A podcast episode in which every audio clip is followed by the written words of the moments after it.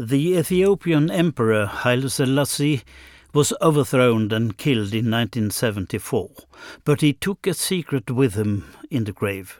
Nobody should know that thousands of Ethiopians had died from hunger. It was because of the drought, they said in the palace. That is how nature is. It clearly was not the reason for the mass death up in the north. There was maize enough for all, but it went to those with money.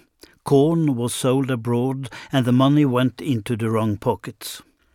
Then came a coup d'etat, and Mengistu Haile Mariam took over. He did not correct the hunger. He didn't handle it. He was a Marxist and should care for the people. But somebody knew. A BBC senior news reporter, Michael Buerk, flew in with a cameraman. They landed in Korem and viewed a landscape of hungry black people. The dust had turned them into grey. It was in October 1984, and the report he made sent global shockwaves. The slow camera movements and the calm images, together with Michael Buerk's masterpiece of a report, made people cry. Dawn, and as the sun breaks through the piercing chill of night on the plain outside Korem, it lights up a biblical famine, now in the 20th century. This place, say workers here, is the closest thing to hell on earth.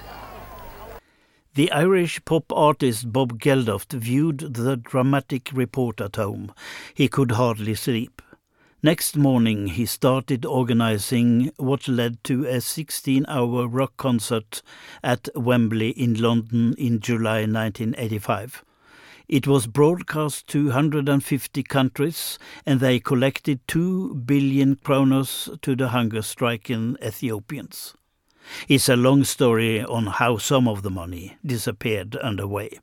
But Bob Geldof wrote a song that everybody knew well.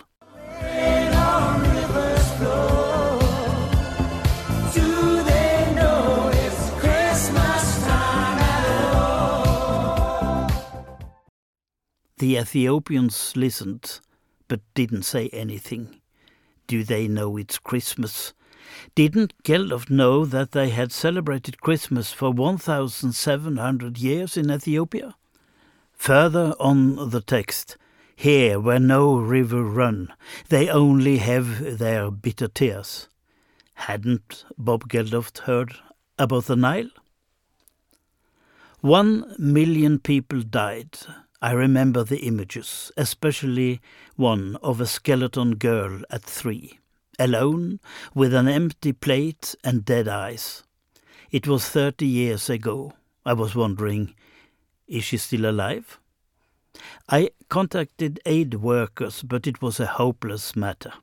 Then there was a breakthrough. An old Ethiopian officer from Save the Children remembered her. It's a miracle she is alive. Her name is Bergode. She was living with her family, and would be happy to receive me. That was a long shot, and I went. I travelled by plane, car, bike, and on foot. Right in front of me, I saw her. She was standing in front of her house, smiling. Bergode had prepared a meal and wanted to serve something she had cultivated herself coffee, beans, tomatoes, and rolls. Two of her children were on their way to school nearby. The smallest was too young. The father was in the garden, full of herbs, vegetables, and spices, and there was water in the stream. I had brought the horror photo of Bergode from those days. Her daughter was three, now at the same age as herself on the photo. The child was staring at the picture. Yes, the mum said. That was me at your age.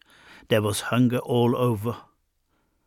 But can I end up like this? she asked, horrified. No, no, dear child, that will never happen to you. Never happen again.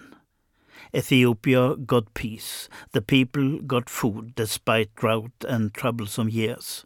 But then It happened again. During the uprising in 2020, the local authorities in Tigray up in the north went against the government and attacked public buildings.